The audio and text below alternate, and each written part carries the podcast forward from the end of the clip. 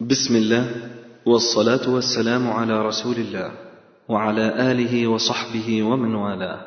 أما بعد فيسر إخوانكم في تسجيلات السلف الصالح للصوتيات والمرئيات والبرمجيات بالإسكندرية أن يقدموا لكم هذا الإصدار والذي هو بعنوان سلسلة دين الحقد والخرافة لفضيلة الشيخ الدكتور محمد إسماعيل. والآن نترككم مع هذه المادة. الدرس التاسع. الشيعة والإمامة. الشيعة والإمامة. الشيعة والإمامة. الحمد لله رب العالمين. الرحمن الرحيم. مالك يوم الدين. والعاقبة للمتقين. ولا عدوان إلا على الظالمين. وأشهد أن لا إله إلا الله وحده لا شريك له. وأشهد أن محمدا عبده ورسوله. اللهم صل على محمد وعلى آل محمد كما صليت على آل إبراهيم إنك حميد مجيد. اللهم بارك على محمد وعلى آل محمد كما باركت على آل إبراهيم وعلى آل إبراهيم إنك حميد مجيد. ثم أما بعد فقد تحدثنا أو تناولنا من قبل معتقد الشيعة فيما يتعلق بالقرآن الكريم ثم السنة الشريفة ثم بالإجماع. نشرع بإذن الله تعالى في الكلام حول عقائدهم الأخرى التي شذوا بها عن أهل السنة والجماعة. وأهم عقائدهم الشاذة عن أهل السنة على الإطلاق هي قضية الإمامة ثم قضية عصمة الإمام ثم التقية ثم الرجعة ثم البداء ثم الغيبة ثم معتقدهم في الصحابة. فهذه سبع أبواب من مسائل العقائد التي شذ فيها الرافضة عن أهل السنة والجماعة. الإمامة عصمة الإمام التقية الرجعة البداء الغيبة ثم معتقدهم في الصحابة رضي الله تعالى عنهم أجمعين. نبدأ أولا بالكلام حول معتقدهم في قضية الإمامة. والإمامة في اللغة هي التقدم. تقول أما القوم وأما بهم أي تقدمهم. وهي الإمامة. والإمام كل من ائتم به قوم. كانوا على الصراط المستقيم أم كانوا ضالين. ويطلق الإمام على الخليفة وعلى العالم المقتدى به وعلى من يؤتم به في الصلاة. أما قضية الإمامة عند الشيعة فيذكر المصنف أنه سيتناول فيها المسائل الآتية. أولا معنى الإمامة عندهم. ثانيا فضائل الأئمة وصفاتهم. ثالثا غلوهم في قبور أئمتهم. رابعا غلوهم في مجتهديهم. خامسا كل حكومة غير حكومة الاثني عشر أو نوابهم باطلة. ثم الإمامة ركن من أركان الدين ثم تكفيرهم لمنكر إمامة الاثنى عشر ثم منزلة من آمن بإمامة الاثنى عشر عندهم. الإمامة عند الشيعة مفهوم خاص. ينفردون به عن سائر المسلمين. فيعتقدون أن الإمامة منصب إلهي كالنبوة. فكما أن الله سبحانه وتعالى يختار من يشاء من عباده للنبوة والرسالة ويؤيده بالمعجزة التي هي كنص من الله عليه فكذلك يختار للإمامة من يشاء ويأمر نبيه بالنص عليه وأن ينصبه إماما للناس من بعده. فهم الشيعة يقولون معاذ الله إنه يجب على الله أن ينصب إماما وأن ينص على الإمام وأن يأمر النبي بأن يبلغ بالوصي اللي هو الإمام ثم كل إمام يبلغ من بعده وهكذا. طبعا عند أهل السنة الإمامة أو الخلافة واجب على الأمة بالتفاصيل معروفة وليس واجبا على الله كيف يقال إن الله يجب عليه شيء. ما للعباد عليه حق واجب. فهذا مفهوم الإمامة. إذا الإمامة عند الشيعة ودي أخطر القضايا الخلاف بيننا وبينهم. طبعا بعد قضية القرآن وما ذكرنا من قبل. فللإمامة عندهم مفهوم خاص أن الإمامة منصب إلهي كالنبوة مثل النبوة. فكما يختار الله سبحانه وتعالى من عباده من يشاء رسولا أو نبيا ويؤيده بالمعجزة كذلك يختار للإمامة من يشاء ويأمر نبيه بالنص عليه وأن ينصبه إماما للناس من بعده. أما الفرق بين الرسول والنبي والإمام عندهم فقد روى صاحب الكافي أنه سئل إمامهم الرضا ما الفرق بين الرسول والنبي والإمام؟ قال أن الرسول الذي ينزل عليه جبرائيل فيراه ويسمع كلامه وينزل عليه الوحي وربما رأى في منامه نحو رؤيا إبراهيم عليه السلام. والنبي ربما سمع الكلام وربما رأى الشخص ولم يسمع والإمام هو الذي يسمع الكلام ولا يرى الشخص. وهذا النص يفيد أن الوحي الإلهي متحقق حصوله للثلاثة يعني الرسول والنبي والإمام مستوون في تلقي الوحي من الله سبحانه وتعالى. فهذا النص منهم يفيد أن الوحي الإلهي متحقق حصوله للثلاثة. على اختلاف في الطريقة والوسيلة التي يصل بها الوحي. لكن كانت رواية الكافي هذه تقول إن الإمام يسمع الكلام ولا يرى الشخص يعني لا يرى شخص الملك مع أن هناك عدة روايات عندهم تؤكد تحقق رؤية الإمام للملائكة. في روايات أخرى في كتبهم تؤكد أن الأئمة يرون الملائكة حتى إن عالمهم المجلسي عقد في البحار بابا بعنوان باب أن الملائكة تأتيهم وتطأ فرشهم وأنهم يرونهم. وذكر فيه ستة وعشرين حديثا منها ما ذكره عن الصادق قال إن الملائكة لتنزل علينا في رحالنا وتتقلب على فرشنا وتحضر موائدنا وتأتينا في وقت كل صلاة لتصليها معنا. وما من يوم يأتي إلا وأخبار أهل الأرض عندنا وما يحدث فيها. وعن الصادق قال إن منا لمن ينكت في أذنه. يعني يأتي الوحي بإيه في أذنه. إن منا من الأئمة لمن ينكت في أذنه. وإن منا لمن يؤتى في منامه. وإن منا لمن يسمع صوت السلسلة تقع على الطشت. وإن منا لمن يأتيه صورة أعظم من جبرائيل وميكائيل. فترى في هذه الروايات للمجلسي أن الفرق الذي ذكره الكليني بين الإمام والرسول والنبي إن كان يعتبر فرقا قد تلاشى. حتى قال المجلسي نفسه إن استنباط الفرق بين النبي والإمام من تلك الأخبار لا يخلو من إشكال وكذا الجمع بينهما مشكل جدا. ثم قال ولا نعرف جهة لعدم اتصافهم بالنبوة إلا رعاية خاتم الأنبياء. دي مصيبة كبيرة. يعني عايز يقول إيه؟ إن إحنا ماسكين نفسنا إن إحنا نوصفهم إن هم أنبياء بس بنراعي خاطر الرسول عليه السلام. لأن لو قلنا عليهم صراحة إن هم أنبياء يبقى كده بنطعن في كون الرسول عليه السلام هو خاتم الإيه؟ النبيين. فهو بس بيقول رعاية للموضوع ده إحنا مش عايزين نقول إن هم أنبياء. شوف العبارة بتاعته الخبيثة يقول ولا نعرف جهة لعدم اتصافهم بالنبوة إلا رعاية خاتم الأنبياء ولا يصل عقولنا فرق بين النبوة والإمامة. يعني بالعقل لا فرق بين النبي والإمام.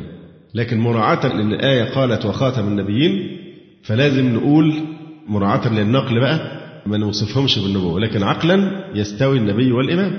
ولا نعرف جهة لعدم اتصافهم بالنبوة إلا رعاية خاتم الأنبياء. ولا يصل عقولنا فرق بين النبوة والإمامة. وليس هذا فحسب. بل منزلة الإمامة والإمام تجاوزت في كتبهم أحيانا منزلة النبوة والنبي إلى منزلة أخرى. نعرفها حينما نطالع اعتقادهم في فضائل الأئمة وصفاتهم سوف نجدهم يرفعون الأئمة فوق الأنبياء وللخميني عليه من الله ما يستحقه يعني كلام شنيع جدا في هذا. يقول إن من ضروريات مذهبنا أن لأئمتنا ولاية تكوينية تخضع لها جميع ذرات هذا الكون. سوف نأتي العبارة بالنص أفضل بدل المعنى. ماذا عن فضائل الأئمة وصفاتهم هل فعلا هم بيسووا الأنبياء بالأئمة ولا في الواقع بيرفعوا الأئمة فوق الأنبياء؟ كل ده ولسه في ناس بتقول مفيش فرق بيننا وبين الشيعة في الإيه؟ في الأصول. ده خلاف زي الخلاف بين الحنفي والمالكي والشافعي والحنبلي. خلاف مذهبي لا يمس العقيدة. فمن يخدعون؟ من الذي يريدون أن يخدعون يريدون أن يعني شباب أهل السنة يتشيعون وينضمون إلى أعداء الله من الشيعة. فحديث الشيعة عن فضائل أئمتهم وصفاتهم حديث كثير وخطير. فيما يلي سنذكر أهم الأبواب في كل من الكافي والبحار التي حوت أحاديثهم عن فضائل الأئمة. وهذه الأبواب خلاصة موجزة لأحاديثهم تبين حجم الغلو واتساعه فهي ليست روايات شاذة في كتبهم بل هي أبواب تحمل عناوين أشبه ما يكون بقواعد وأصول أساسية في معتقدهم. نذكر أولا عناوين الأبواب وعدد أحاديث كل باب ثم نكتفي بذكر أمثلة لهذه الأبواب. لكن كتب حافلة يعني ليست عبارات متناثرة أو قليلة أو شاذة لا دي القاعدة والأصل وهذا موجود في كل كتب الشيعة لأنها أعظم مسائل الدين عندهم مسألة الإمامة. نجيب بقى من العناوين. باب أنهم أعلم من الأنبياء عليهم السلام. أنا طبعا ممكن في كل كلمة أنقلها أذكر لكم المرجع بالجزء والصفحة لكن من حيث الواقع مراجع الشيعة الكبيرة هذه غير متوفرة عندنا الآن.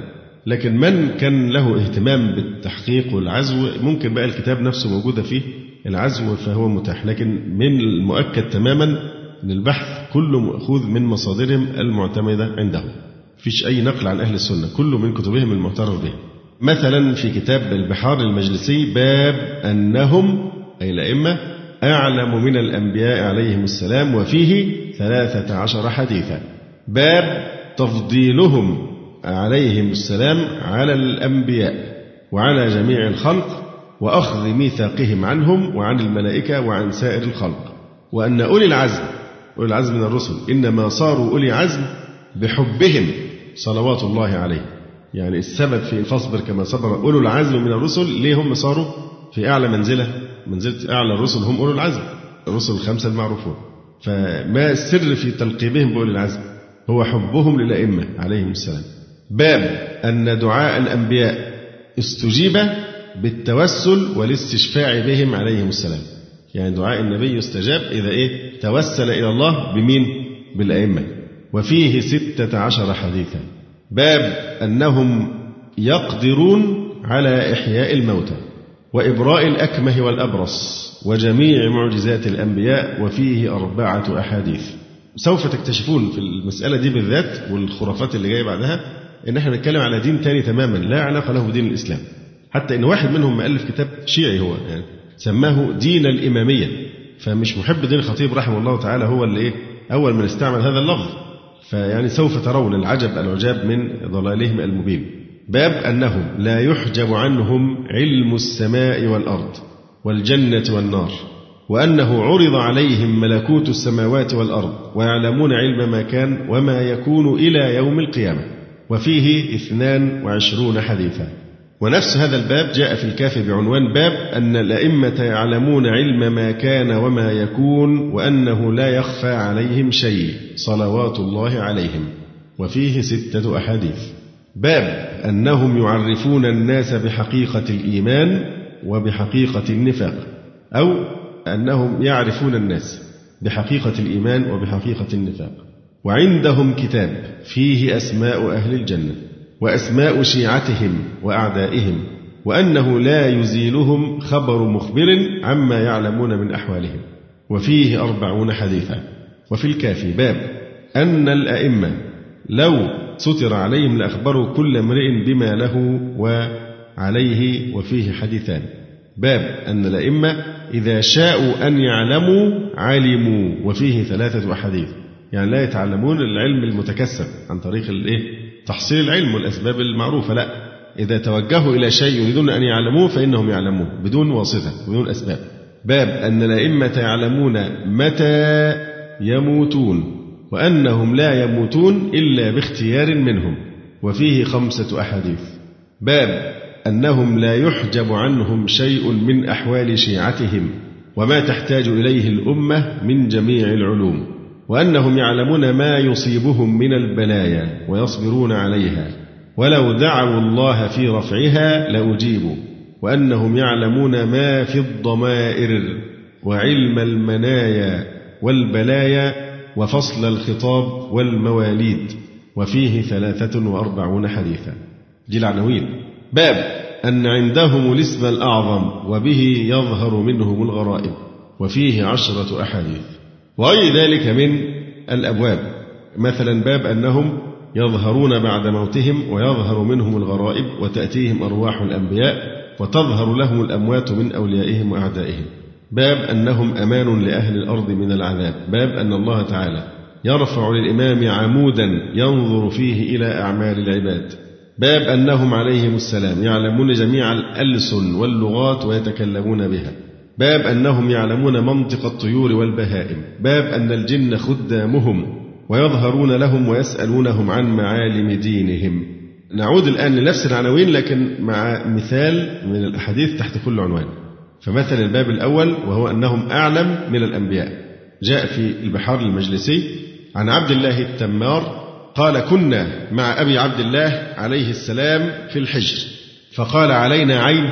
يعني هم قاعدين مع أبي عبد الله. طبعا جعفر الصادق المظلوم الذين يكذبون عليه لافتة الإعلانات المضيئة في سماء المدينة يعني يلصقون بها أي كذب عايزين يكذبوا عشان يروجوه. كنا مع أبي عبد الله عليه السلام في الحجر فقال علينا عين شوفوا كده حد شايفنا؟ يعني إذا ما يعرفش الغيب. فالتفتنا يمنة ويسرى وقلنا ليس علينا عين. فقال ورب الكعبة ثلاث مرات أن لو كنت بين موسى والخضر لأخبرتهما أني أعلم منهما ولأنبأتهما بما ليس في أيديهما. مثال للباب رقم اثنين وهو تفضيل الأئمة على الأنبياء عليهم السلام. في البحار قال أبو عبد الله والله ما استوجب آدم أن يخلقه الله بيده وينفخ فيه من روحه إلا بولاية علي عليه السلام. يعني آدم عليه السلام ما استحقش أن ربنا يخلقه وأن ينفخ فيه من روحه إلا لأن آدم كان وليا لعلي عليه السلام. وما كلم الله موسى تكليما إلا بولاية علي عليه السلام. ولا أقام الله عيسى ابن مريم آية للعالمين إلا بالخضوع لعلي. ثم قال أجمل الأمر. أجمل الأمر. يحكم مختصر الكلام. أجمل الأمر. ما استأهل خلق من الله النظر إليه إلا بالعبودية لنا. وقال أمير المؤمنين إن الله عرض ولايتي على أهل السماوات وعلى أهل الأرض. أقر بها من أقر وأنكرها من أنكر. أنكرها يونس فحبسه الله في بطن الحوت حتى أقر بها. كذب كذابين يعني أكذب خلق الشيء. وأجرأ الناس على الكذب والافتراء على الله سبحانه وتعالى.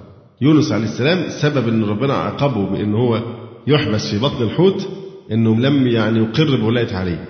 وفضل محبوس لحد ما أقر بولاية عليه. فبعد كده ربنا أنقذه. دين الأساطير دين الخرافة زي ما هنشوف بعد كده. وقال أمير المؤمنين إن الله عرض ولايتي على أهل السماوات وعلى أهل الأرض أقر بها من أقر وأنكرها من أنكر. أنكرها يونس فحبسه الله في بطن الحوت حتى أقر بها. وكذلك أيوب لما شك في ملك علي قال له الله. ده المين بقى؟ أيوب عليه السلام. لما شك في ملك علي قال له الله فوعزتي لأذيقنك من عذابي أو تتوب إلي بالطاعة لأمير المؤمنين. حتى سيدنا أيوب عليه السلام.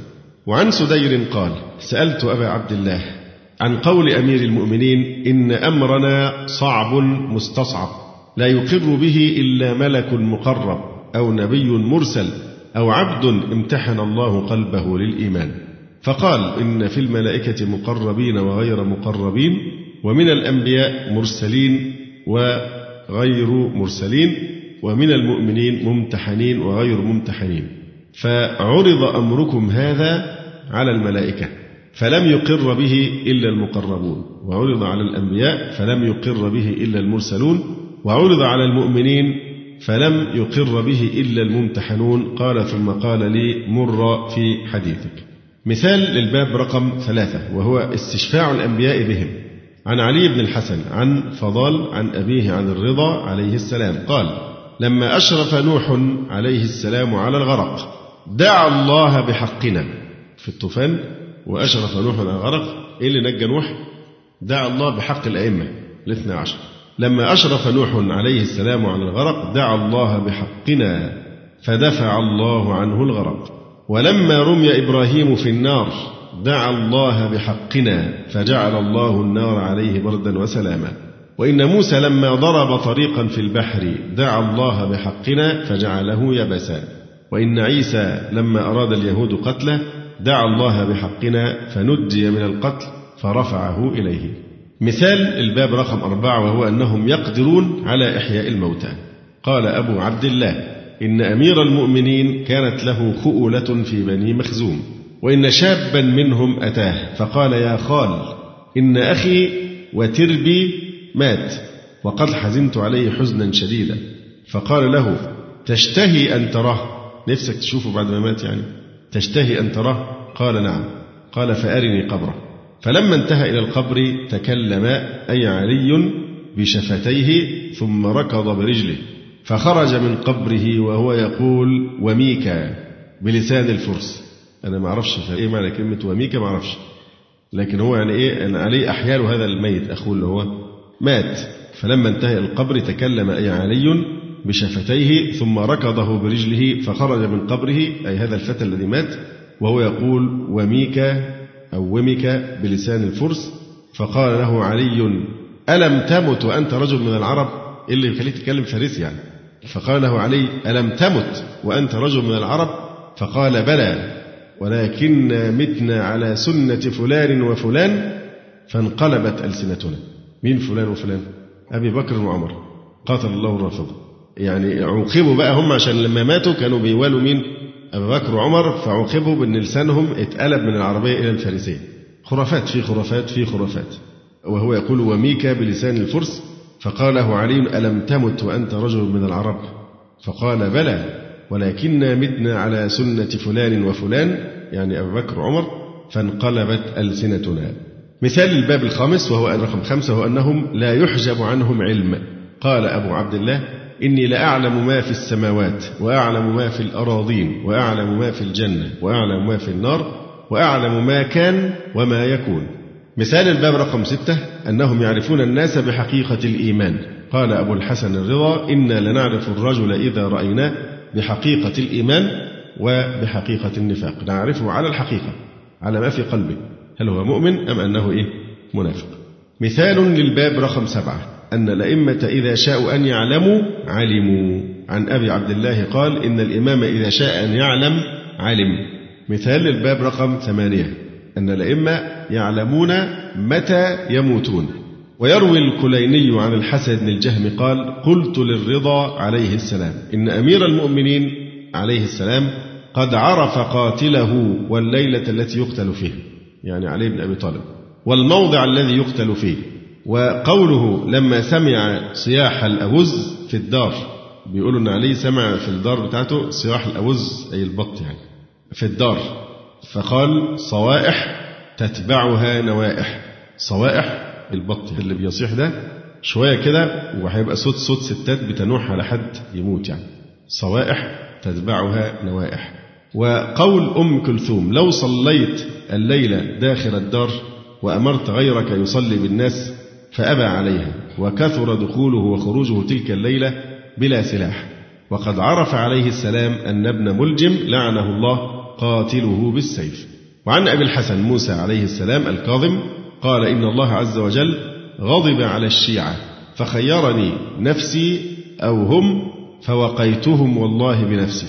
إن الله غضب على الشيعة فخيرني نفسي أو هم. تهلك أنت يا أهلكهم هم. فبيقول بقى من الإثار بتاعه فوقيتهم والله بنفسي. فقلت لا يعني أنا فداهم يعني فداء الإيه؟ الشيعة. نفس منطق النصارى يعني أن عيسى صلب ليخلصهم إيه؟ من ذنوبهم. مثال للباب رقم تسعة. أنهم لا يحجب عنهم شيء في البحار أن عليا قال على منبر الكوفة والله إني لديان الناس يوم الدين. ديان اللي هو هيحاسب الناس يوم الدين. يعني يبقى ملك يوم الدين بقى هو كمان. والله إني لديان الناس يوم الدين. وقسيم الله بين الجنة والنار. لا يدخلها داخل إلا على أحد قسمين وأنا الفارق الأكبر. وقرن من حديد. وباب الإيمان. وصاحب الميسم وصاحب السنين. وأنا صاحب النشر الأول والنشر الآخر وصاحب القضاء وصاحب الكرات ودولة الدول وأنا إمام لمن بعدي والمؤدي من كان قبلي ما يتقدمني إلا أحمد صلى الله عليه وآله وسلم. وإن جميع الملائكة والرسل والروح خلفنا وإن رسول الله ليدعى فينطق وأدعى فأنطق على حد منطقه. ولقد أعطيت السبع التي لم يسبق إليها أحد قبلي. بصرت سبل الكتاب. هو كلام إيه؟ زي في أبو زيد الهلالي السجع المتكلف لا يمكن عليه في فصاحته أن ينطق بهذه الطريقة.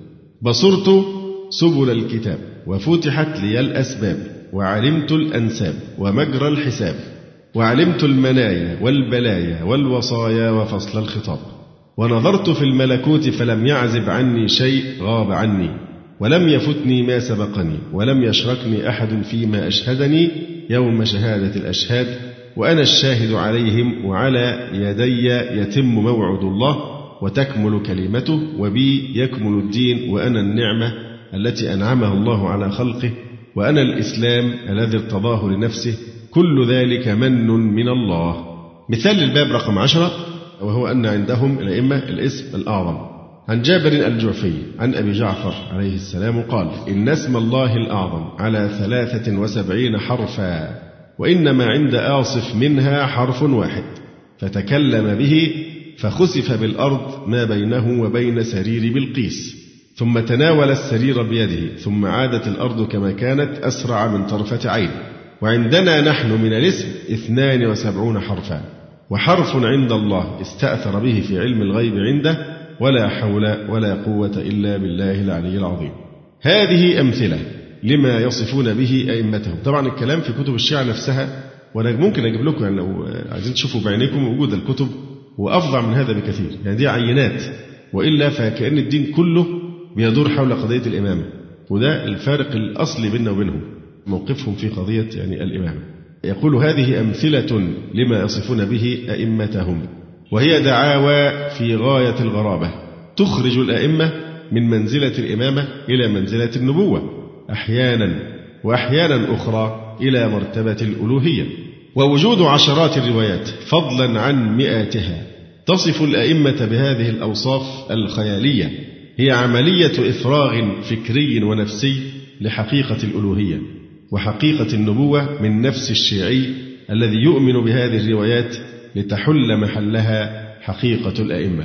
وإذا وجد من ينفي صفة النبوة والربوبية عن الأئمة فإن هذا النفي أشبه ما يكون بصرخة في واد إزاء هذا الزخم وهذا الركام الهائل من الفضائل المزعومة. وهذه الروايات في الحقيقة هي الأرضية والقاعدة والمنطلق للأفكار الباطنية المنتشرة اليوم. والتي تؤله الأئمة وتلوذ بجحور التقية عند مواجهتها للملأ. ولولا خشية الإطالة لوقفنا عند كل نص نحلله ونرسم أبعاده. إن هذه الدعاوى التي امتلأت بها كتب القوم التي يعدونها مصادر أساسية في التلقي والتشريع هي محادة لله ولرسوله صلى الله عليه وسلم. فماذا أبقوا لله عز وجل من خصائص الألوهية؟ حين يريدون عشرات من رواياتهم تقول إن الأئمة يعلمون ما كان وما يكون وأنهم لا يخفى عليهم شيء أي أن الأئمة عندهم علم الله. وكيف يتجرؤون على القول بأن الأئمة عندهم 72 حرفا من الاسم الأعظم؟ والله عنده حرف واحد. هم عندهم 72 حرف. فاضل حرف واحد عند مين؟ عند الله. أهم أعلم أم الله؟ سبحانك هذا بهتان عظيم. وهذه الدعاوى باب للزندقة والإلحاد. لم يقلها نبي مرسل ولا ملك مقرب هي محاربة لدين الله عز وجل ولكتابه. وهذه المزاعم انتقلت بشكل عملي واضح إلى جانبين خطيرين. يعني هي مش مجرد مزاعم وأقوال. في الناحية العملية انعكست في جانبين في غاية الخطورة أحدهما أنها انتقلت من حديث نظري عن فضائل الأئمة إلى غلو في قبورهم وأضرحتهم وانتشر الشرك في بلاد الشيعة بلا نكير. وثانيها ظاهرة غلوهم في مجتهديهم باعتبار أنهم نواب الإمام المعصوم. وهذان الجانبان يشكلان مفهوم الإمامة بصورة واقعية فلنتحدث عنهما. يبقى اللي فات ده كان إيه؟ صفات الأئمة وفضائلهم من الناحية النظرية. نشوف بقى بيعملوا إيه بقى مع الأئمة. كيف يعبدون الأئمة؟ وهذه المسألة الثالثة غلوهم في قبور أئمتهم واتخاذها مزارات ومشاهد. يقول إن للمسلمين كعبة واحدة يتوجهون إليها في صلاتهم ودعائهم ويحجون إليها. أما الشيعة فلهم مزارات ومشاهد وكعبات تنافس بيت الله عز وجل ويقام فيها الشرك ويهدم التوحيد. يعني حتى قبر الخميني مبني على سورة الكعبة. قبر الخميني مبني على سورة الكعبة ومكسي. مكسوب وبيطوف حول منه. وقد يقال إن الشرك والمشاهد منتشرة في بلاد السنة والجواب أن هذا واقع. ولكن الفرق بين الشيعة وأهل السنة أن ما عند أهل السنة هو انحراف في واقعهم تنكره أصولهم. يعني أدلة القرآن والسنة وأقوال السلف والأئمة ضد ما يرتكبه أصحاب المشاهد والقبور من المنتسبين لأهل السنة. فالفرق إيه بقى؟ أن ما عند السنة هو انحراف في واقعهم تنكره أصولهم وما عند الشيعة هو ما يتفق مع أصولهم بل هو ما تدعو إليه وتحث عليه أحاديثهم ورواياتهم فهو معروف في أصول الشيعة منكر في أصول السنة. ونتيجة هذا الفرق أن ما عند أهل السنة قابل للإصلاح وما عند الشيعة غير قابل حتى تغير أصولهم أولا. وهذه النتيجة ليست نظرية أو خيالية بل ظهرت بشكل واقعي في تأثير دعوة الشيخ محمد بن عبد الوهاب رحمه الله تعالى في العالم الإسلامي في محاربة الشرك واستعصاء الشيعة على هذا الإصلاح. يعني أكثر ناس حرموا من بركات الدعوة الوهابية هم الرافضة استعصوا على الإصلاح لأنهم مش عايزين إصلاح واقع زي اللي أصلحه محمد بن وهاب عن طريق الأدلة. من كتاب والسنة وكلام السلف والخلف من أهل السنة والجماعة. فهو ذكرهم بأصول الدين بحيث تم محاربة إلى حد كبير مظاهر الشرك وعبادة القبور والأولياء ونحو ذلك وتطهير الدين يعني والعقيدة من هذه الشركيات والعودة إلى أصول الإسلام. لأن هو مش أكثر من تجديد. تجديد يعني بيعيد الناس إلى الأصول. لكن الشيعة استعصى عليهم أن ينتفعوا بدعوة الشيخ محمد بن عبد الوهاب. ليه؟ لأن مش هنحتاج بس نغير الواقع. ده لازم نغير الإيه؟ الأصول نغير الدين بتاعهم من أساسه. ندعوهم إلى أصولنا نحن واضح الفرق؟ فالملاحظة دي جيدة الحقيقة. يقول العالم الإيراني أحمد الكسروي كان أصلا شيعيا ثم تسنن. يقول ومما يرى يعني ده شاهد إيه؟ من أهلها. ومما يرى من لجاج الشيعة أنه قد انقضى منذ ظهور الوهابيين أكثر من 150 عاما. وجرت في تلك المدة مباحثات ومجادلات كثيرة بينهم وبين الطوائف الأخرى من المسلمين وانتشرت رسالات وطبعت كتب وظهر جليا أن ليست زيارة القبب والتوسل بالموتى ونذر النذور للقبور وأمثالها إلا الشرك. ولا فرق بين هذه وبين عبادة الأوثان التي كانت جارية بين المشركين من العرب فقام الإسلام يجادلها ويبتغي قلع جذورها. يبين ذلك آيات كثيرة من القرآن.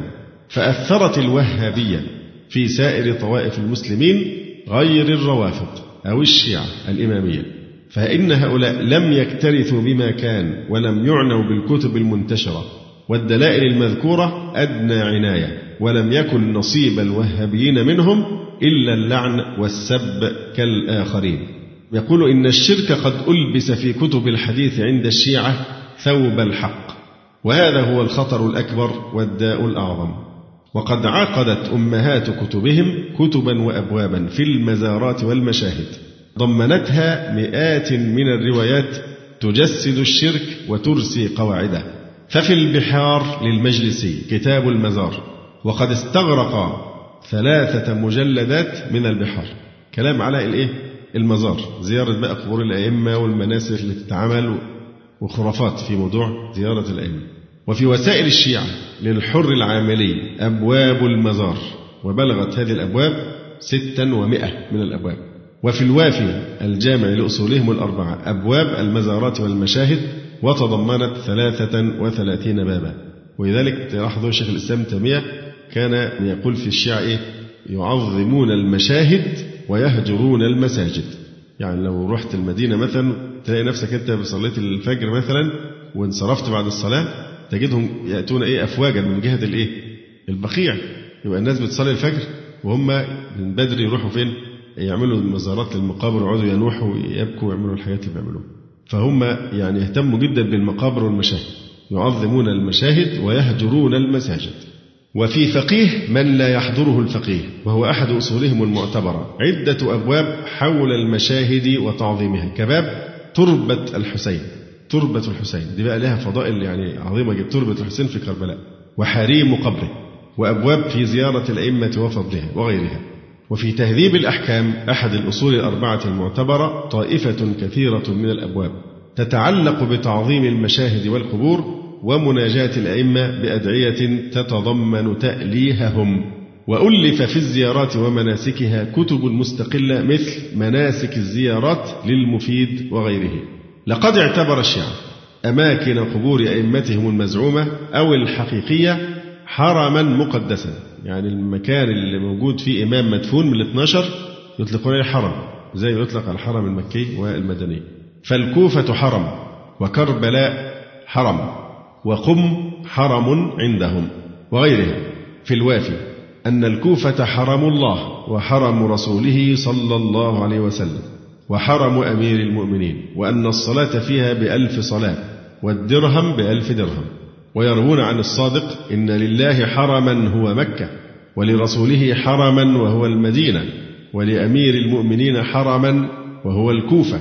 ولنا حرما وهو قم. دي مدينة مقدسة عند الشيعة مشهورة في إيران وأهلها كلهم شيعة إمامية. ومن أسباب تقديسهم لمدينة قم وجود قبر فاطمة بنت موسى بن جعفر إمامهم السابع فيها. يزعمون أن الصادق قال إن لله حرما هو مكة ولرسوله حرما هو المدينة ولأمير المؤمنين حرما وهو الكوفة ولنا حرما وهو قم. ستدفن فيه امرأة من ولدي تسمى فاطمة من زارها وجبت له الجنة. وكربلاء عندهم أفضل من الكعبة. ففي حديث لهم عن أبي عبد الله أنه قال إن الله أوحى إلى الكعبة لولا تربة كربلاء ما فضلتك ولولا من تضمنه أرض كربلاء ما خلقتك ولا خلقت البيت الذي به افتخرت. ده الخطاب لمين؟ للكعبة. فقري واستقري وكوني ذنبا متواضعا ذليلا مهينا غير مستنكف ولا مستكبر لأرض كربلاء. وإلا سخت بك الأرض وهويت بك في نار جهنم. هل يتخيل حد أن الله سبحانه وتعالى يخاطب الكعبة المشرفة بمثل هذا الكلام الخرافي؟ فشاعرين بخطورة الموضوع. ولذلك اللي بيهون أمر الشيعة ده يعني إما جاهل وإما حاجة تانية يعني يعني مخادع ومضلل للناس عن عمد. فهو دين تاني تماما مش دين الإسلام. دين آخر. أنا مش بتكلم عن قضية التكفير دلوقتي لكن أنا بقول تلاحظون في عقائدهم وكتبهم وحياتهم واقع آخر مغاير تماما للإسلام النقي كما أنزله الله سبحانه وتعالى. فهو ينسبون إلى أبي عبد الله أن ربنا سبحانه وتعالى بيخاطب الكعبة إن الله أوحى إلى الكعبة. لولا تربة كربلاء ما فضلتك ولولا من تضمنه أرض كربلاء ما خلقتك ولا خلقت البيت الذي به افتخرت فقري واستقري. وكوني ذنبا أي ذيلا متواضعا ذليلا مهينا غير مستنكف ولا مستكبر لأرض كربلاء. وإلا سخت بك وهويت بك في نار جهنم. وزيارة قبور الأئمة والدعاء والصلاة عندها والتوسل والاستشفاع بهم ذلك عندهم أفضل من الحج إلى بيت الله الحرام. في الكافي أتى رجل أبا عبد الله فقال له إني قد حججت تسع عشرة حجة. فادعو الله أن يرزقني تمام العشرين. قال هل زرت قبر الحسين؟ عليه السلام. قال لا. قال لزيارته خير من عشرين حجة. وعن ابن أبي يعفور. قال سمعت أبا عبد الله يقول والله لو أني حدثتكم بفضل زيارته وبفضل قبره لتركتم الحج رأسا. لو تعرفوا فضل زيارة قبر الحسين ما حدش منكم هيروح يحج في الكعبة. والله لو أني حدثتكم بفضل زيارته. وبفضل قبره لتركتم الحج رأسا وما حج منكم أحد. ويحك أما علمت أن الله اتخذ كربلاء حرما آمنا مباركا قبل أن يتخذ مكة حرما؟ قال ابن أبي يعفور فقلت له قد فرض الله على الناس حج البيت ولم يذكر زيارة قبر الحسين عليه السلام فقال إن كان كذلك فإن هذا شيء جعله الله هكذا. إن كان كذلك فهو كذلك. وعن أبي عبد الله إن الله يبدأ بالنظر إلى زوار قبر الحسين بن علي عليه السلام عشية عرفة قبل نظره إلى أهل الموقف. إن الله يبدأ بالنظر يعني يوم عرفة يبدأ الأول بالنظر إلى إيه؟ زوار قبر الحسين بن علي عليه السلام عشية عرفة قبل نظره إلى أهل الموقف. قال الراوي وكيف ذلك؟ قال أبو عبد الله كما يزعمون طبعا لأن في أولئك أولاد زنا وليس في أولاي أولاد زنا. يعني شوف المستوى الذي ينحط إليه الشيعة في كذبهم على أئمته بقى معقولة يعني أبو عبد الله جعفر الصادق يقول هذا؟ إن الناس اللي بيكونوا في موقف الحج فيهم أولاد زنا أما اللي يوفقوا لزيارة قبر الحسين عشية عرفة هؤلاء ليس فيهم أولاد زنا. الله المستعان. هو هنا بيقول حاشية بيقول إيه بقى؟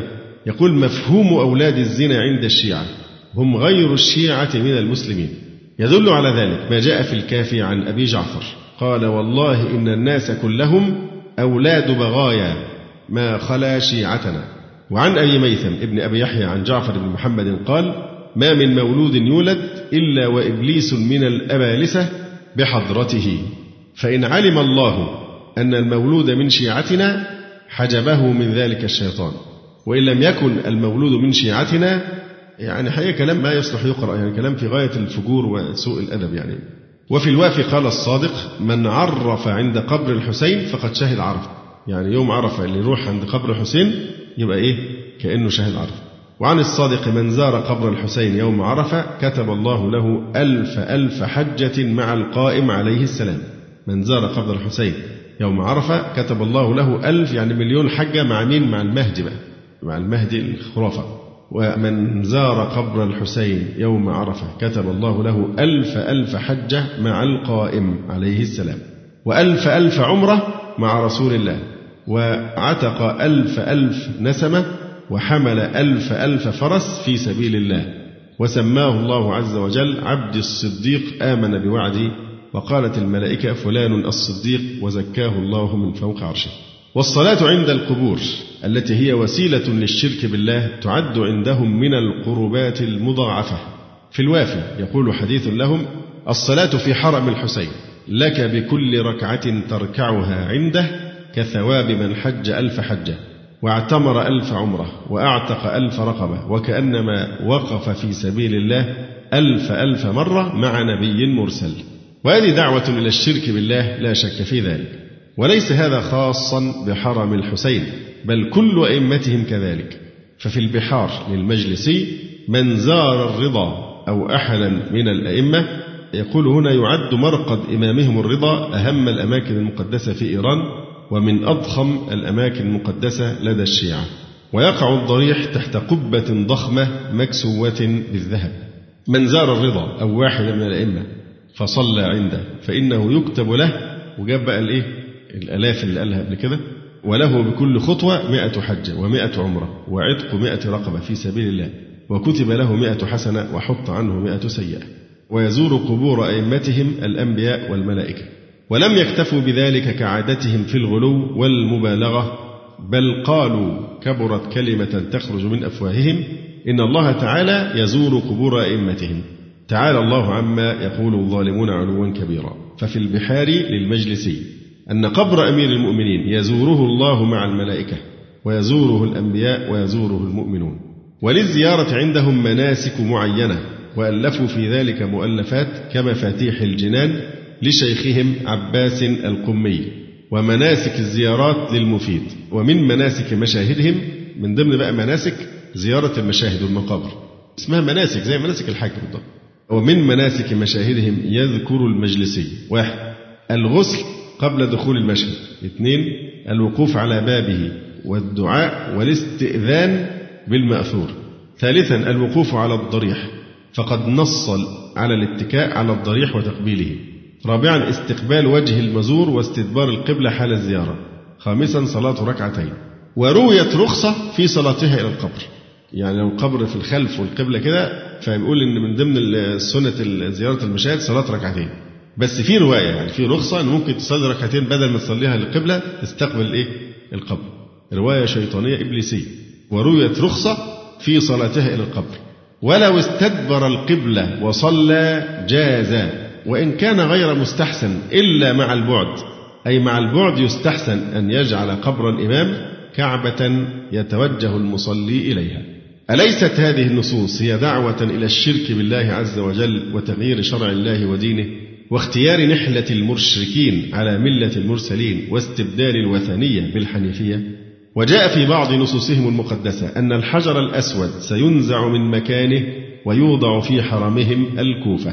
ففي الوافي أن علي بن أبي طالب قال لأهل الكوفة يا أهل الكوفة لقد حباكم الله عز وجل بما لم يحب أحدا من فضل مصلاكم بيت آدم وبيت نوح وبيت إدريس.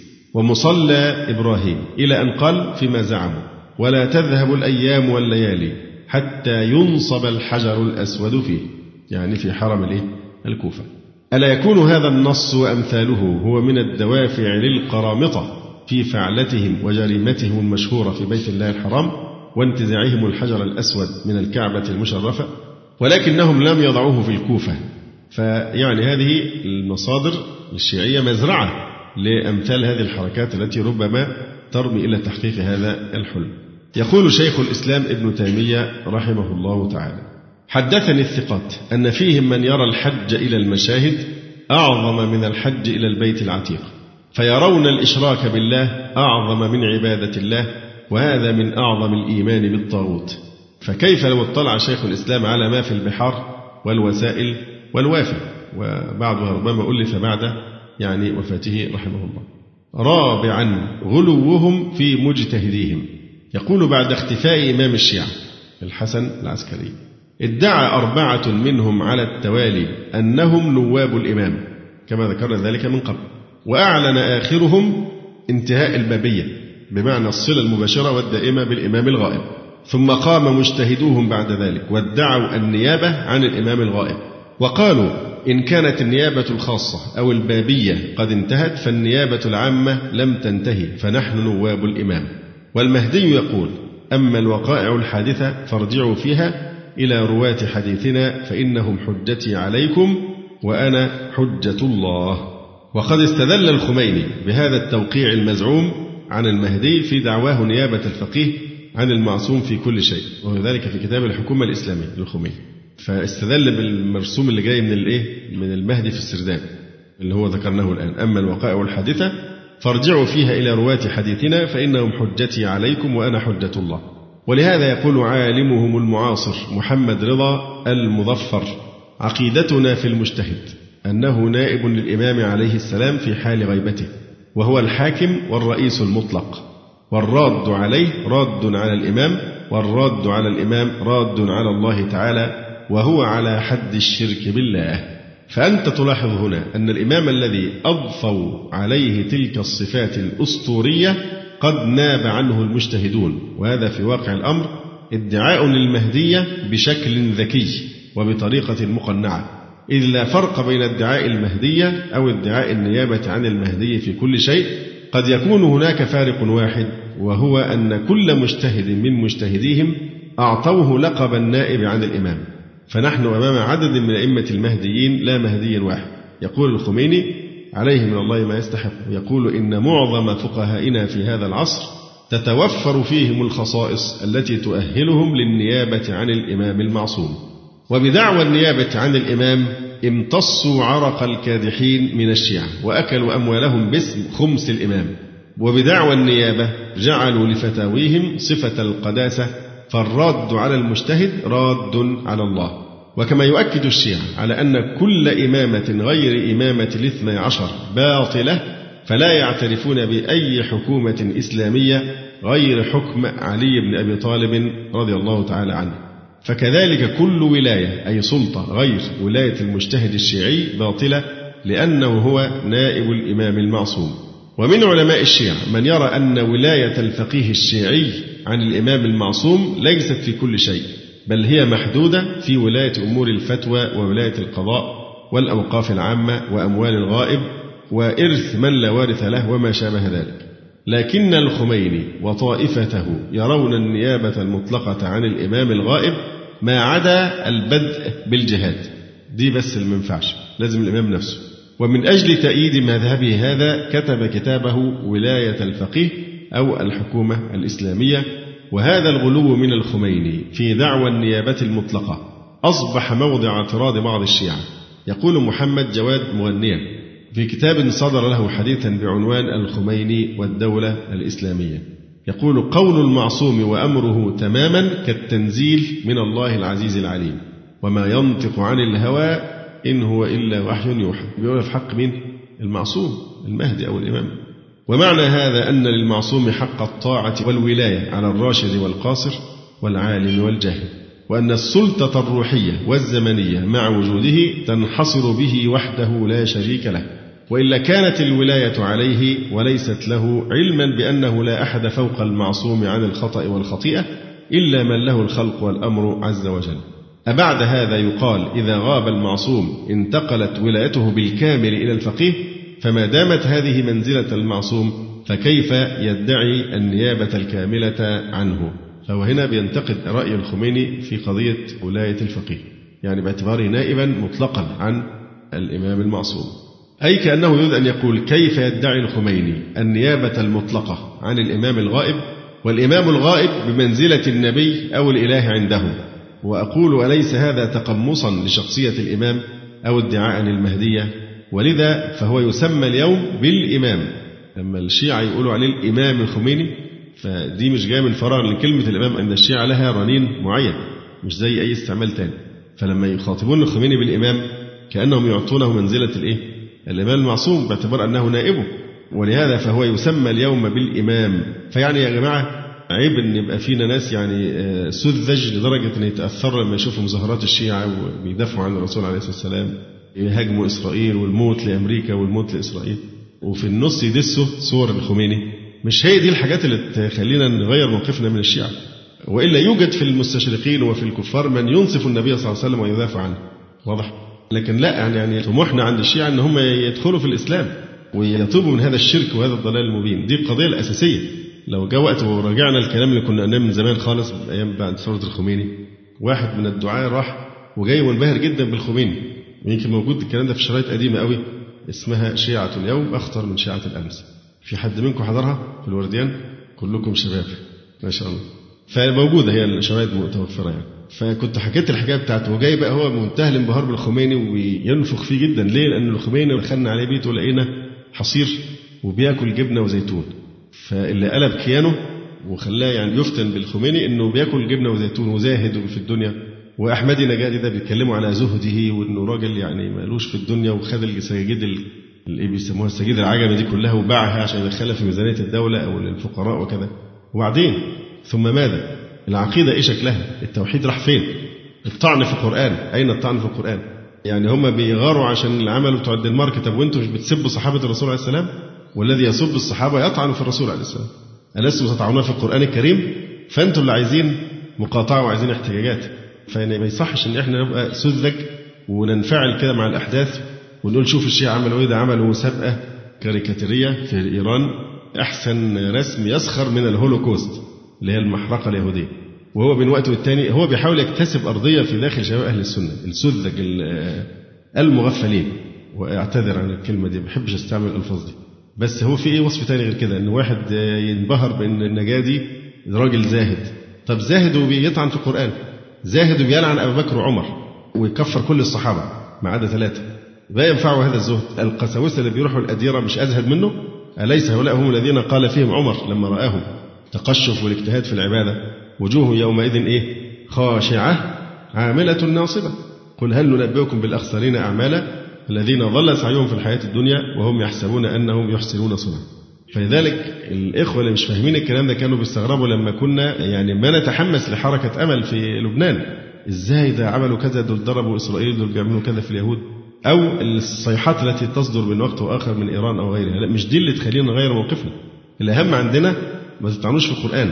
اشهدوا شهادة الحق تخلوا عن هذه الضلالات. لا تسبوا الصحابة واحفظوا لهم قدرهم. إلى غير ذلك من الجرائم العظمى. جرائم خيانة عظمى للإسلام. فمش هي دي القضية. فلا بد إن إحنا يعني عشان كده أنا اختصرت الطريق على بعض الإخوة بيتكلموا على اللي بيعملوه الشيعة و... والخميني عمل فتوى في اسمه إيه ده سلمان رشدي وإلى آخره ومواقفهم اللي هم بيحاولوا يعملوها الاستهلاك العالمي والمحلي وكله. فقلت لهم ماشي هنفترض هيحرروا فلسطين وهيقيموا دولة. سوف يجب علينا جهادهم طبعا عند الاستطاعة كما يجب علينا الآن جهاد إسرائيل. باختصار شديد يعني. ولذا فهو الخميني يسمى اليوم بالإمام وهو مصطلح له مفهومه الخاص عندهم كما ترى. فدعوى النيابة المطلقة عن الإمام هي بعث للإمامة والمهدية والتشيع من جديد.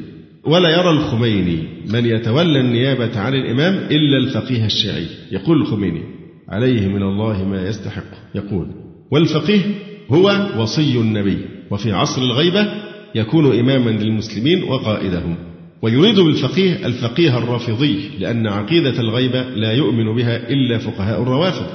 ومن مظاهر الغلو في المجتهد ما مر بنا من زعمهم أن مجتهديهم يلتقون بالإمام الغائب الذي هو في الواقع لم يولد. ومع ذلك بيكذبوا عليهم ويقول لهم إيه؟ إحنا وسايط بينكم وبين الإمام وبنقابله وبنجيب لهم توقيع كلام ممضي المهدي إيه؟ يعني هو اللي كاتب لهم الرسائل دي. دجل في دجل يعني جت على الدين كله دينهم خرافات. كل الدين خرافات. فيزعمون أن مجتهدين يلتقون بالإمام الغائب الذي هو في الواقع لم يولد كما أن من مظاهر غلوهم في مجتهدهم أنهم قالوا بأن من لم يصل رتبة الاجتهاد يجب عليه أن يقلد مجتهدا حيا معينا وإلا فجميع عباداته باطلة لا تقبل منه. وإن صلى وصام وتعبد طول عمره إلا إذا وافق عمله رأي من يقلده بعد ذلك. ومن الطرائف لاعتقادهم هذا أنه عندما مرض مجتهد في النجف استمر صيام مقلديه على الرغم من إفطار الآخرين من الشيعة من أجل أن مرض ذلك المجتهد حال دون سماع شهادة شهود الرؤية هذه المنزلة للمجتهدين عند الشيعة تذكرك بمنزلة البابوات والقسس عند النصارى. خامسا كل حكومة غير حكومة الاثني عشر باطلة. هذا من أصول الإيمان بالإمام الاثني عشر. وبهذا جاءت روايته. عن أبي جعفر قال كل راية ترفع قبل راية القائم. القائم ده أحد ألقاب الإيه؟ المهدي المنتظر. ساعات لقبوه ألقاب زي صاحب الزمان أو القائم. يقولون إن أبا جعفر قال كل راية ترفع قبل راية القائم. عليه السلام صاحبها طاغوت. وقال شارح الكافي وإن كان رافعها يدعو إلى الحق. ولا تجوز الطاعة لحاكم ليس من عند الله إلا على سبيل التقية. عن أبي جعفر قال قال الله تبارك وتعالى طبعا لما تسمع بقى كلمة حكومة إسلامية وإن شرعيتها باطلة وإن الحاكم ده طاغوت ما تنصرفوش للعصر الحاضر إطلاقا. تبدأ بمين؟ أولى الناس بهذا أبو بكر وعمر وعثمان خلفاء بني أمية كل كلهم خلفاء بني العباس خلفاء المماليك لحد الدولة العثمانية. طبعا وبالأولى بقى أي حاكم على وجه الأرض في أي مكان أو زمان حتى بوش وحتى شارون كل دول أدم حاكم يبقى هو إيه؟ عدو لأهل بيته. وأي حكومة بتاعته باطلة. فهي تشمل أي نوع من الحكم ابتداء من الخلفاء الراشدين إلى ما قبل خروج مهديهم وإقامة دولتهم. كل راية ترفع قبل راية القائم صاحبها طاغوت وإن كان رافعها يدعو إلى الحق. ولا تجوز الطاعة لحاكم ليس من عند الله إلا على سبيل التقي. عن أبي جعفر قال قال الله تبارك وتعالى لأعذبن كل رعية في الإسلام دانت بولاية كل إمام جائر ليس من الله. وإن كانت الرعية في أعمالها برة تقية. ولأعفون عن كل رعية في الإسلام دانت بولاية كل إمام عادل من الله. وإن كانت الرعية في أنفسها ظالمة مسيئة. وروايتهم في هذا المعنى كثيرة. فمن أبواب صحيحهم الكافي باب في من دان الله عز وجل بغير إمام من الله جل جلاله وذكر فيه خمسة أحاديث في معصومه. وباب من ادعى الإمامة وليس لها بأهل ومن جحد الأئمة أو بعضهم ومن أثبت الإمامة لمن ليس لها بأهل وذكر فيه اثنى عشر حديث. وفي البحار المجلسي باب عقاب. من ادعى الإمامة بغير حق أو رفع راية جور أو أطاع إماما جائرا وذكر فيه ثمانية عشر حديثا. والإمام الجائر والظالم والذي ليس أهلا للإمامة والإمام الذي ليس من عند الله وما شابه ذلك من الأوصاف كل ذلك يطلقونه على حكام المسلمين من غير أئمتهم الاثنى عشر. وعلى رأس هؤلاء الحكام الخلفاء الثلاثة الراشدون أبو بكر وعمر وعثمان رضي الله عنهم. قال عالم الشيعة المجلسي صاحب بحار الأنوار عن الخلفاء الثلاثة الراشدين إنهم لم يكونوا إلا غاصبين جائرين مرتدين عن الدين. لعنة الله عليهم. نستغفر الله من حكاية هذا الضلال وعلى من اتبعهم في ظلم أهل البيت من الأولين والآخرين.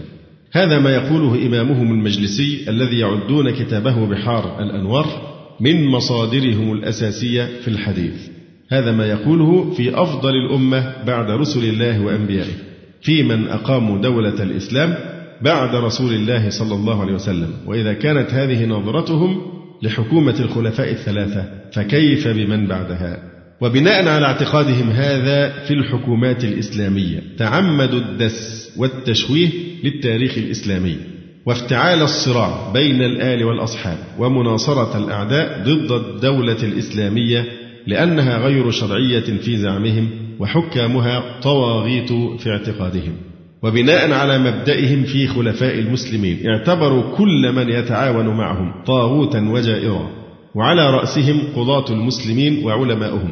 فيروي محدثهم الكليني بسنده عن عمر بن حنظلة قال سألت أبا عبد الله عن رجلين من أصحابنا بينهما منازعة في دين أو ميراث. تحاكما إلى السلطان وإلى القضاء. أيحل ذلك؟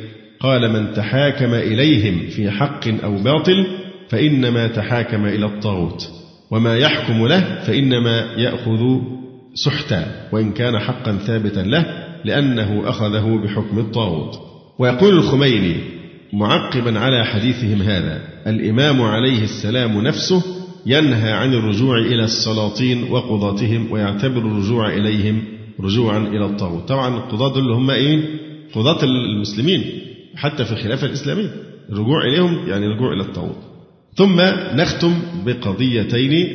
الإمامة ركن من أركان الدين. يعني الإمامة دي مش قضية جزئية دي ركن من أركان الدين. فالإيمان بإمامة الأئمة الاثني عشر بالمعنى السالف ذكره ركن من أركان الدين عندهم وكتبهم مليئة بما يثبت هذا الشذوذ. من ذلك ما يرويه الكليني بسنده عن أبي جعفر. قال بني الإسلام على خمس. انسى بقى لا إله إلا الله دي خالص. عشان يبقوا خمسة. بني الإسلام على خمس. على الصلاة والزكاة والصوم والحج والولاية. ولم يناد بشيء كما نودي بالولاية. فأخذ الناس بأربع وتركوا هذه يعني الولاية. فالولاية أي إمامة الاثنى عشر يعتبرونها الركن الخامس للإسلام. ويزعمون أنها محل الاهتمام والعناية من الشارع كما يدل على ذلك قوله ولم يناد بشيء كما نودي بالولاية وما ندري أين هذا الاهتمام المزعوم وكتاب الإسلام العظيم كتاب الله تذكر فيه وتكرر أركان الإسلام من الشهادتين والصلاة والصوم والزكاة والحج ولا ذكر فيه لشأن ولاية أئمتهم الاثني عشر. وأحيانا يجعلون أركان الإسلام ثلاثة الولاية أحدها. يروي الكليني بسنده عن الصادق قال أثافي الإسلام ثلاثة. إيه هي الأثافي؟ في المثل في العرب يقول ثالثة الأثافي. لما يعملوا نار يعني عشان يضعوا عليها الإناء فيحطوا حجر وحجر ويضع الثالث عشان مش هيستند الإناء إلا لما تحط حاجة ثالث فبيسموها إيه؟ ثالثة الأثافي المكملة يعني للوضع يعني. فيقول أثافي الإسلام ثلاثة الصلاة والزكاة والولاية. ولا تصح واحدة منهن إلا بصاحبتيها. ويقولون إن الولاية أفضل أركان الإسلام. فعن زرارة عن أبي جعفر قال بني الإسلام على خمسة أشياء على الصلاة والزكاة والحج والصوم والولاية. قال زرارة قلت أي شيء من ذلك أفضل؟ قال الولاية أفضل. يعني الولاية أفضل من الصلاة والصيام والحج والإيه؟ إلى آخره. ويقولون إن الولاية لا رخصة فيها. فعن أبي عبد الله قال إن الله افترض على أمة محمد خمس فرائض الصلاة والزكاة والصيام والحج وولايتنا فرخص لهم في أشياء من الفرائض الأربعة زي القصر الصلاة وترك الصيام في السفر يعني الرخص المعروفة ولم يرخص لأحد من المسلمين في ترك ولايتنا لا والله ما فيها رخصة. سابعا ودي مسألة أيضا يعني مهمة. تكفيرهم لمن أنكر إمامة الأئمة الاثنى عشر ودي بنهديها هدية للناس اللي هم هلك في حب الشيعة والولاء لهم والثناء عليهم. أنتم بتتزلفون إليهم وهم بيكفروكم. تكفيرهم لمن أنكر إمامة الأئمة الاثنى عشر. وردت روايات كثيرة عندهم. تكفر من أنكر إمامة الأئمة الاثنى عشر. وهذا التكفير يشمل خلفاء المسلمين من أبي بكر رضي الله عنه إلى أن تقوم الساعة. ما عدا حكم علي والحسن رضي الله عنهما. لأنهم ادعوا الإمامة بغير حق كما يشمل الشعوب الإسلامية التي بايعت خلفاء المسلمين من عهد أبي بكر إلى أن تقوم الساعة لأنها بايعت إماما ليس من عند الله. فعن أبي عبد الله عليه السلام قال من ادعى الإمامة وليس من أهلها فهو كافر. طيب من هم أهلها؟ الأئمة الاثنى عشر. أو من ينوب عنهم من فقهاء الشيعة. وعن أبي عبد الله قال ثلاثة لا ينظر الله إليهم يوم القيامة ولا يزكيهم ولهم عذاب أليم. من ادعى إمامة من الله ليست له ومن جحد إماما من الله ومن زعم أن لهما في الإسلام نصيبا. مين بقى لهما؟ أبو بكر وعمر. هل تتخيلون هذا؟ يعني أبو بكر وعمر اللذين أقام دولة الإسلام بعد رسول الله صلى الله عليه وسلم؟ فبيقول لك ثلاثة لا ينظر الله إليهم يوم القيامة ولا يزكيهم ولهم عذاب أليم. من ادعى إمامة من الله ليست له ومن جحد إماما من الله ومن زعم أن لهما في الإسلام نصيبا من زعم أن أبو بكر وعمر له في الإسلام نصيب. فهذا تكفير للأمة شنيع. لم يبلغ الخوارج مبلغه. تكفير للأحياء والأموات. حقد عظيم على أمة الإسلام وخلفاء المسلمين. والعبادة عندهم لا قبول لها إلا بالإيمان بولاية الاثنى عشر. ففي البحار للمجلسي لو أن عبدا عبد الله ألف سنة وجاء بعمل اثنين وسبعين نبيا ما تقبل الله منه حتى يعرف ولايتنا أهل البيت وإلا أكبه الله على منخريه في نار جهنم. وعن الصادق كما يفترون قال الجاحد لولاية علي كعابد الوثن. وعقد المجلسي في البحار عدة أبواب في هذا المعنى. منها باب أنه لا تقبل الأعمال إلا بالولاية وذكر فيه واحدا وسبعين حديثا له. باب ثواب حبهم ونصرهم وولايتهم صلوات الله عليهم وأنهم أمان من النار وذكر فيه خمسين ومائة حديثا. باب أنه يسأل عن ولايتهم في القبر وفيه اثنان وعشرون حديث باب ذم مبغضهم وأنه كافر حلال الدم. وثواب اللعن على أعدائهم. وذكر فيه 62 حديثا. باب أنهم شفعاء الخلق وأن إياب الخلق إليهم وحسابهم عليهم وأنه يسأل عن حبهم وولايتهم يوم القيامة. وفيه خمسة عشر حديثا. قال ابن بابويه القمي في رسالته في الاعتقادات واعتقادنا في من جحد إمامة أمير المؤمنين والأئمة من بعده أنه بمنزلة من جحد نبوة الأنبياء. واعتقادنا في من أقر بأمير المؤمنين وأنكر واحدا من بعده من الأئمة أنه بمنزلة من آمن بجميع الأنبياء ثم أنكر نبوة محمد صلى الله عليه وسلم. وقد قال صلى الله عليه وآله طبعا ده كذب منه يعني الأئمة من بعد إثنى عشر أولهم أمير المؤمنين علي بن أبي طالب وآخرهم القائم طاعتهم طاعتي ومعصيتهم معصيتي فمن أنكر واحدا منهم فقد أنكرني. وقال القمي فمن ادعى الإمامة وليس بإمام فهو الظالم الملعون ومن وضع الإمامة في غير أهلها فهو ظالم ملعون. وقال النبي صلى الله عليه وآله من جحد علي عليا إمامته من بعدي فإنما جحد نبوتي ومن جحد نبوتي فقد جحد ربوبيته. وقال الصادق من شك في كفر أعدائنا والظالمين لنا فهو كافر. وابن المطهر الحلي. يعد من لم يؤمن بأئمتهم أشد شرا من اليهود والنصارى. يقول الإمامة لطف عام. هو اللطف عندهم يعني أي شيء يقرب المكلفين إلى الطاعة ويبعدهم عن المعصية اسمه لطف. يقول الإمامة لطف عام والنبوة لطف خاص لإمكان خلو الزمان من نبي حي بخلاف الإمام. والإنكار اللطف العام شر من الإنكار اللطف الخاص. وقال عالمهم نعمة الله الجزائري ولم نجتمع معهم. بيتكلم على مين بقى؟ على الأشاعرة ومتابعيه. ولم نجتمع معهم على إله ولا على نبي ولا على إمام. وذلك أنهم يقولون إن ربهم هو الذي كان محمد صلى الله عليه وسلم نبيه وخليفته بعده أبو بكر. ونحن لا نقول بهذا الرب ولا بذلك النبي بل نقول إن الرب الذي خليفة نبيه أبو بكر ليس ربنا ولا ذلك النبي نبينا. هذا في كتاب الأنوار النعمانية للجزائري. قاتله الله. بيتكلم على الأشاعرة. وما هيقول إيه بقى على السلفيين أو أهل السنة. لم نجتمع معهم أي الأشاعرة ومتابعيهم على إله ما اتفقناش مع بعض. لا على إله ولا على نبي ولا على إمام. لكن تلاحظوا بيقول إيه؟ ولا على كتاب. وإن كان في الحقيقة هم لا يتفقون معنا على القرآن بس هو بيتجنب دي.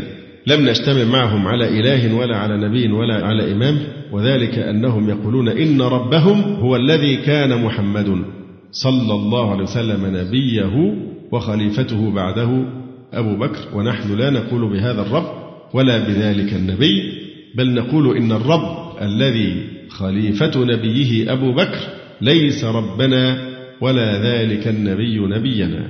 وقال مفيدهم اتفقت الإمامية على أن من أنكر إمامة أحد من الأئمة وجحد ما أوجبه الله تعالى له من فرض الطاعة فهو كافر ضال مستحق للخلود في النار.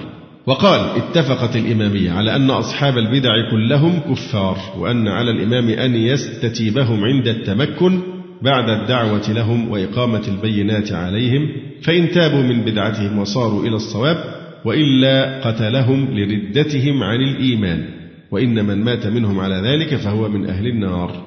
وقال شيخهم الطوسي ودفع الإمامة كفر كما أن دفع النبوة كفر لأن الجهل بهما على حد واحد. وقال المجلسي وقد وردت أخبار متواترة أنه لا يقبل عمل من الأعمال إلا بالولاية. هذا تكفير عام لأمة محمد صلى الله عليه وسلم. وضع قواعده أعداؤها. ومن علماء الشيعة من قال إن منكر الإمامة لا يكفر بل يفسق ولكن قال إنه إذا مات فهو في النار ولا يخالف في هذا أحد من الشيعة. ولكن هل يخلد في النار؟ اختلفوا في ذلك على ثلاثة أقوال. أول أنهم مخلدون. ثاني أنهم يخرجون من النار إلى الجنة. الثالث أنهم يخرجون من النار لعدم الكفر الموجب للخلود ولا يدخلون الجنة. لعدم الإيمان المقتضي لاستحقاق الثواب. ورجح شيخهم المجلسي القول بالخلود ورد على المنكرين من قومه فقال القول طبعا ده علينا إحنا الكلام ده كله. أيوه مش بيضحك دي حقيقة. يقول القول بعدم خلودهم في النار نشأ من عدم تتبعهم للأخبار والأحاديث الدل على خلودهم متواترة أو قريبة منها. نعم الاحتمالان الأخيران اللي هو الثاني والثالث. من الأقوال آتيان في المستضعفين منهم والقول بخروج غير المستضعفين من النار قول مجهول القائل نشأ بين المتأخرين الذين لا معرفة لهم بالأخبار ولا بأقوال القدماء الأخيار. هذا رأي الشيعة في من أنكر إمامة أئمتهم الاثنى عشر وهو تكفير شنيع للمسلمين وجرأة على الله في الحكم على عباده المؤمنين بالنار وهكذا تجعل الشيعة الجنة وقفا على من يؤمن بأئمتهم والنار هي مصير من ينكرهم. فماذا عن منزلة من آمن بهؤلاء الأئمة الاثنى عشر؟ يعني بتعبير آخر ما منزلة الشيعة لأنهم يؤمنون بهم؟ كما يغالي الشيعة في تكفير المسلمين لأنهم لا يؤمنون بأئمتهم يغالون في بيان منزلة الشيعي الذي يؤمن بهؤلاء الأئمة. وروايتهم في هذا الباب كثيرة جدا. فمن أبواب البحار في هذا الموضوع. باب أن الشيعة هم أهل دين الله وهم على دين أنبيائه وهم على الحق ولا يغفر إلا لهم ولا يقبل إلا منهم. باب فضل الرافضة ومدح التسمية بها. باب الصفح عن الشيعة وشفاعة أئمتهم فيهم وغير ذلك من الأبواب. ومن روايتهم في هذا المعنى عن أبي حمزة قال سمعت أبا جعفر يقول ما أحد من هذه الأمة يدين بدين إبراهيم إلا نحن وشيعتنا ولا هدي من هدي من هذه الأمة إلا بنا ولا ضل من ضل من هذه الأمة إلا بنا. وقال أبو عبد الله شيعتنا أقرب الخلق من عرش الله عز وجل يوم القيامة. وقال أيضا أبو عبد الله في زعمهم يعني مخاطبا الشيعة أنتم للجنة والجنة لكم أسماؤكم عندنا الصالحون والمصلحون. وأنتم البرية. دياركم لكم جنة وقبوركم لكم جنة. للجنة خلقتم وفي الجنة نعيمكم وإلى الجنة تصيرون. وعن عبد الله بن ميمون عن أبي جعفر قال يا ابن ميمون كم أنتم بمكة؟ قال نحن أربعة يعني من الشيعة. قال إنكم نور في ظلمات الأرض. وقال علي كما يزعمون لقد مات رسول الله صلى الله عليه وسلم وهو على أمته ساخط إلا الشيعة. ألا وإن لكل شيء عزا وعز الإسلام الشيعة. ألا وإن لكل شيء دعامة ودعامة الإسلام الشيعة. ألا وإن لكل شيء شرفا وشرف الإسلام الشيعة.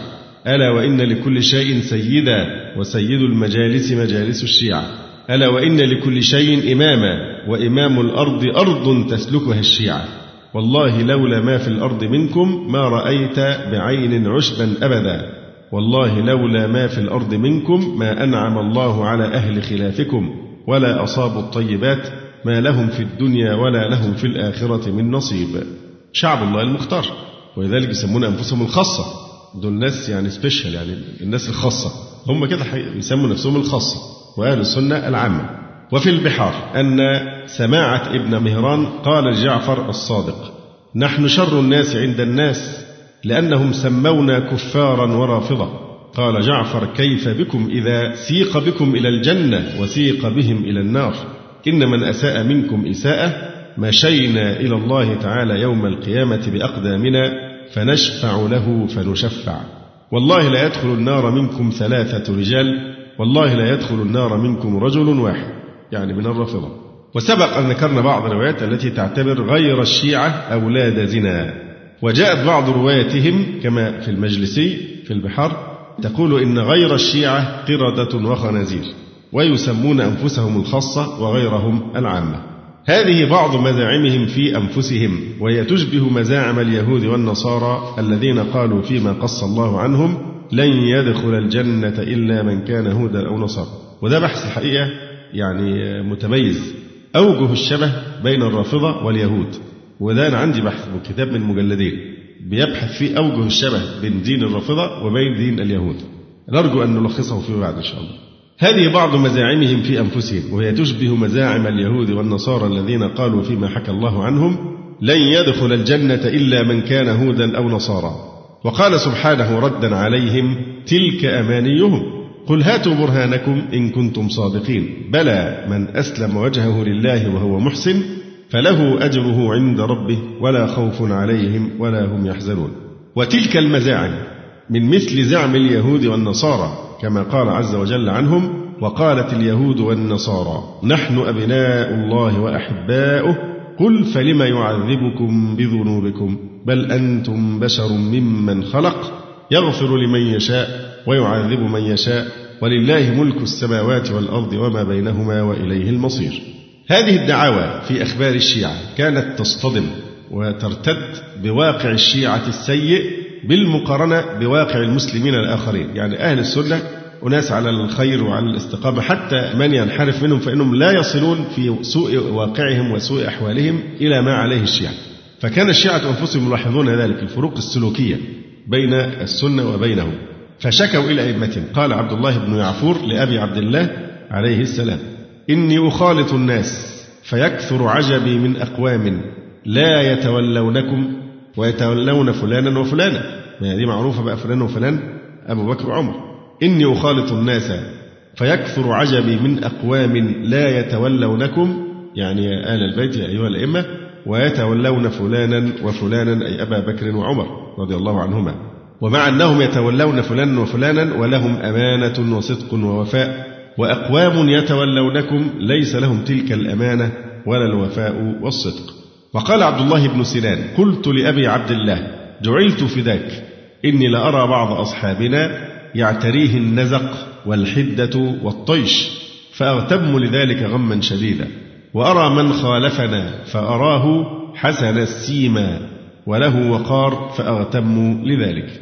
ولهذا قال إمامهم موسى الكاظم لو امتحنتهم أي الشيعة شيعته لما وجدتهم إلا مرتدين ولو تمحصتهم لما خلص من الألف واحد.